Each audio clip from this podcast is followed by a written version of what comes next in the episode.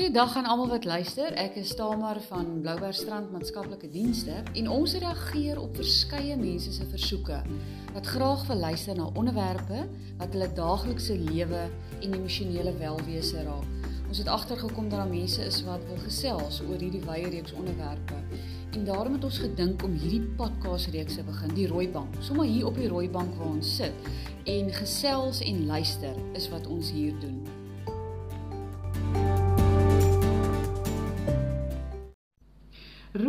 Weet jy ek dink dikwels daaraan dat slegte goed ook met goeie mense gebeur. Ek sien dit baie gebeur. Maar werkloosheid in die tye waarin ons leef, land op soveel mense se pad. En dis amper vir my soos 'n vraagstuk wat net nie opgelos kan word nie. Hallo Tamar. Dankie dat ons hier ook kan gesels. Uh net om te begin werkloosheid is so oud soos die Heer se genade van die begin af is mense al werkloos, maar werkloosheid is ook 'n uitdaging. Ek begin sommer net met statistiek uh, vir die laaste 20 jaar in Suid-Afrika.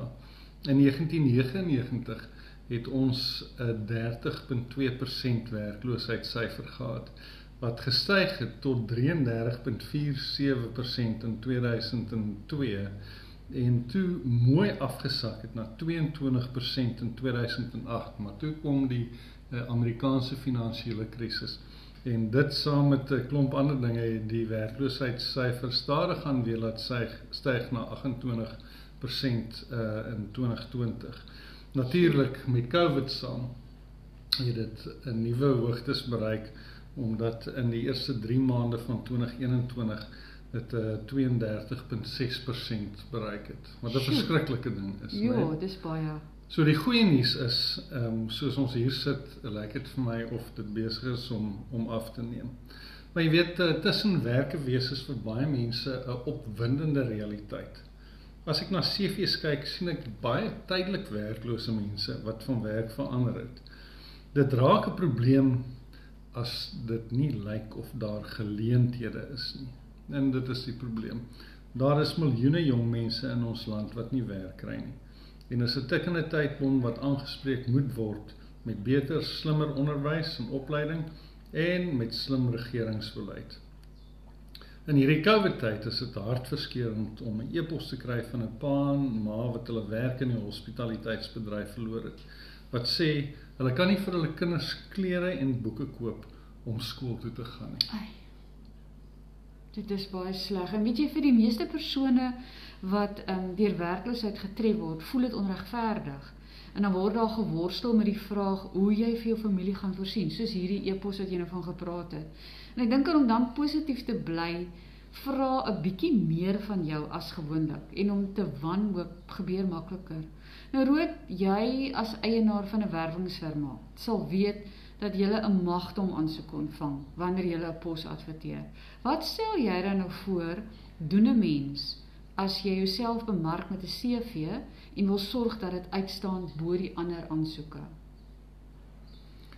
Damer, um, dis 'n interessante vraag want in die verlede wou ons almal 'n oom in die meubelhandel gehad het. Ja. Jy weet iemand met 'n goue skoen wat jou net ja. in die regte pad kan help. Indien jy so iemand het, is jy gelukkig, maar vandag is dit anders. Vandag gaan dit nie oor wie jy ken nie, maar oor wie jou ken. Okay. Greg Savage, 'n bekende in ons bedryf, het geweet hy gaan nie sommer 'n afspraak kry met 'n belangrike besigheidseienaar met wie hy besigheid wou doen nie. Eendag kry hy net 'n boodskap dat hy die ou hom wou sien. Ek ken jou klaar, al het jy uh, my nie geken nie, het hy gesê. Hoe het hy dit reg gekry? Wel, Greg het besluit om 'n blog te begin en hy het 'n gereelde blog geskryf wat deur duisende mense gelees word. So het hierdie ou hom leer ken en besluit hy wil met Greg besigheid doen, want hy ken vir Greg al klaar. So, as werksoeker moet jy nie verwag dat mense jou gaan ehm um, uh gaan kry nie. Jy moet jouself tentoonstel. Jy moet jou ware tentoonstel. Ehm um, jy moet in die eerste plek 'n goeie CV hê wat sê dat jy al spore getrap het op die op die regte plekke. Dis baie belangrik. Maar jy moet ehm um, uitsaai na buite toe. Hmm. Een van die um, beste maniere om dit te doen is deur LinkedIn. Mense vra vir my baie keer, um, kom LinkedIn, maar LinkedIn is een van die beste plekke om ontdek te word. Okay. Want rekruteerders, besigheidseienaars, bestuurders gaan soek vir mense op LinkedIn. Elke keer as jy jou profiel opdateer op LinkedIn, dan sien jou uh, netwerk dit. So um, skakel met mense, bou 'n netwerk op en elke keer as iets gebeur dan herinner hulle jy jy hulle dat jy nog daar is en dat jy dalk beskikbaar vir iets. Ehm um, die ander ding wat jy kan doen is om jou CV te registreer op sogenaamde job boards. Wat gebeur op job boards soos Pnet, Career Junction, Executive Placements is dat jy jou CV daar oplaai, maar dat daardie stelsel dan vir jou sê watter posisies um, beskikbaar kom wat dalk in jou lyn is. Uh dit is uh baie belangrik. So registreer op die job boards, um publiseer gesels aanlyn oor jou veld van kennis. Laat die wêreld van jou weet. Vertel vir hulle ek weet hoe mekaar reg te maak en antwoord vrae as mense vir jou vra. Skep die ehm um, aktiwiteit sodat mense van jou weet en jou begin vertrou. Dis wat ek sou voorstel. Ja, dis baie waardevolle raad. En weet jy, ek ontmoet mense uit alle vlakke van die lewe wat deur werkloosheid getref word en beleef dikwels hoe hulle vasberadenheid om hier uit te kom soos 'n saadjie ontkiem en begin groei. En dit het my aan die dink gesit. Daar moet iets wees wat iemand intussen kan uitrig om ervaring op te doen terwyl hulle wag vir die regte werksgeleentheid om op te daag. Dis 'n interessante een, Tamar, want om te sit en wag gaan jou nie noodwendig iets in die sak bring nie. Ja.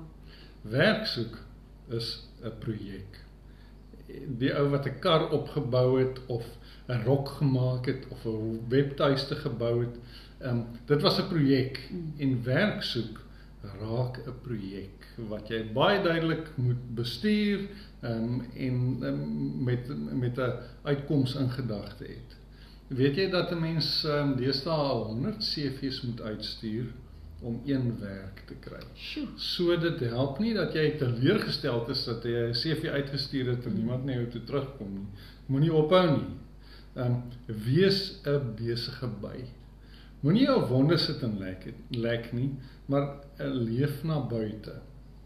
'n Baie interessante ding wat deesdae gebeur as jy voel dat jou vaardighede nie plaaslik benut kan of wil word nie, is uh, die van buitelandse maatskappye.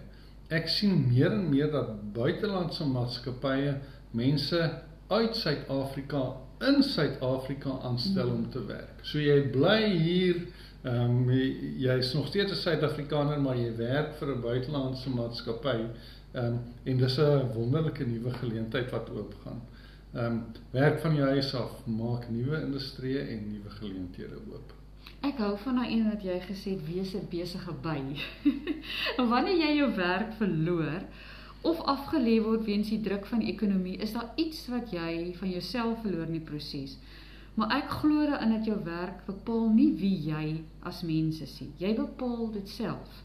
Wat mens dan uit 'n slegte situasie neem en in iets goeds omdraai vir jou toekoms, kan niemand mos van jou steel nie, selfs nie eers werkloosheid nie.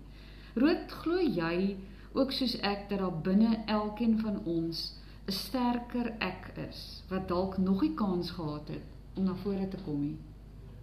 Ai, Tomar as uh, ons nou moet eerlik wees, dan sal ons elkeen van iets kan getuig wat ons terughou. Ja. Weet of dit nou skewe tande is of dalk 'n gebrek aan ervaring of 'n kwalifikasie, jy is te oud of te jonk, jy het te veel selfvertroue of te min. Almal het iets. Maar weet jy, dit hang af of jy gaan toelaat dat die ding so 'n groot struikelblok word wat dit jou keer om te funksioneer. Ja. Jy het die vermoë om te funksioneer ten spyte daarvan en as jy dit 'n waarheid maak, dan kom jy eers. Absoluut. Um move on has been and will be the solution to mankind's problems. Dis 'n ou spreekwoord. As jy stil staan, gaan jy eintlik agteruit. So vorentoe is die enigste oplossing. Die enigste plek waar dit nie reën nie, is in die woestyn. Waar dit reën en storm, dis waar dit groen is. Jy weet in die 400 jaar voor die koms van Jesus is daar geen nuwe Ou Testament boeke geskryf nie. En weet jy wat die rede daarvoor is? Dis omdat dit relatief goed gegaan het met die volk.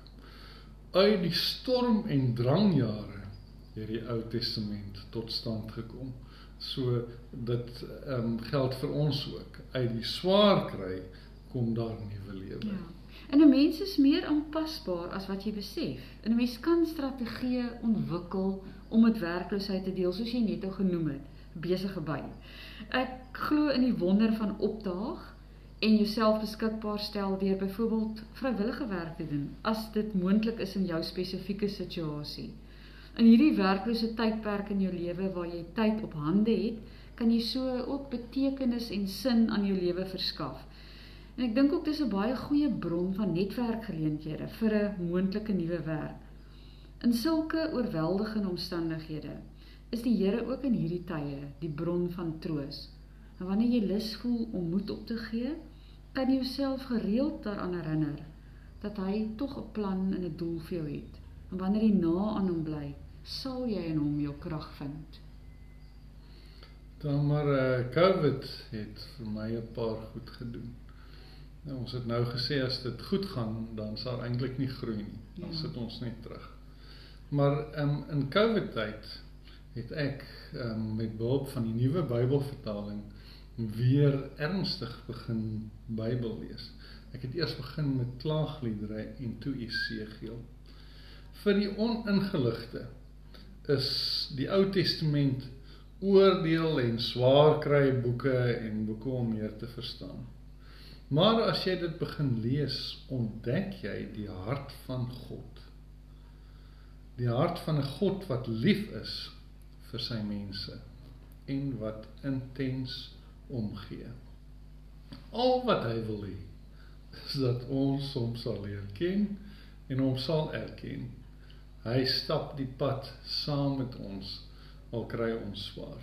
Dis wat ek geleer het um, en dis wat ek um, jou uitdaag om ook te ontdek. As jy dus iemand is wat by ons gesprek vandag aanklank vind, wil ons jou graag bemoedig daarmee dat die lewe uit seisoene bestaan en hierdie seisoen gaan ook verby. Dankie Rood. Dankie aan almal van julle wat saam geluister het. Rood, is daar nog 'n laaste gedagte van jou kant? Dankie Tamar dat ek deel kon wees van hierdie. Ja, dalk is dit nie deel van hierdie gesprek nie, maar jy weet as jy vir enigiemand vra hoekom hulle 'n besigheid begin het, was dit nie omdat hulle verveeld by die huis gesit het en omdat hulle lus was nie. Dit was omdat daar vir hulle een deur toegegaan het en hulle gedwing is uh om 'n ander een oop te maak. Nie almal kan of wil 'n besigheid begin nie, maar dit is 'n wonderlike pad om te loop. Vra my. Maar eerdeur een deur wat toegaan beteken dat daar altyd 'n ander een is wat erns uh oop gaan. Dalk is hier iets om aan te dink terwyl 'n ou jou wonde lek. 'n Mens kry op die ou end werk nie in die rigting waarin jy geleer het nie, maar in die rigting van wat jy die beste kan doen.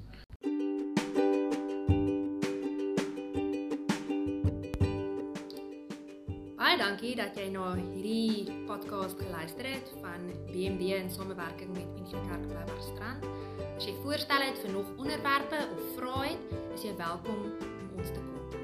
Jy kan vir Tamar kontak by tamar@ngkbloubergstrand.co.za of jy kan 'n e-pos stuur aan kantoor@ngkbloubergstrand.co.za.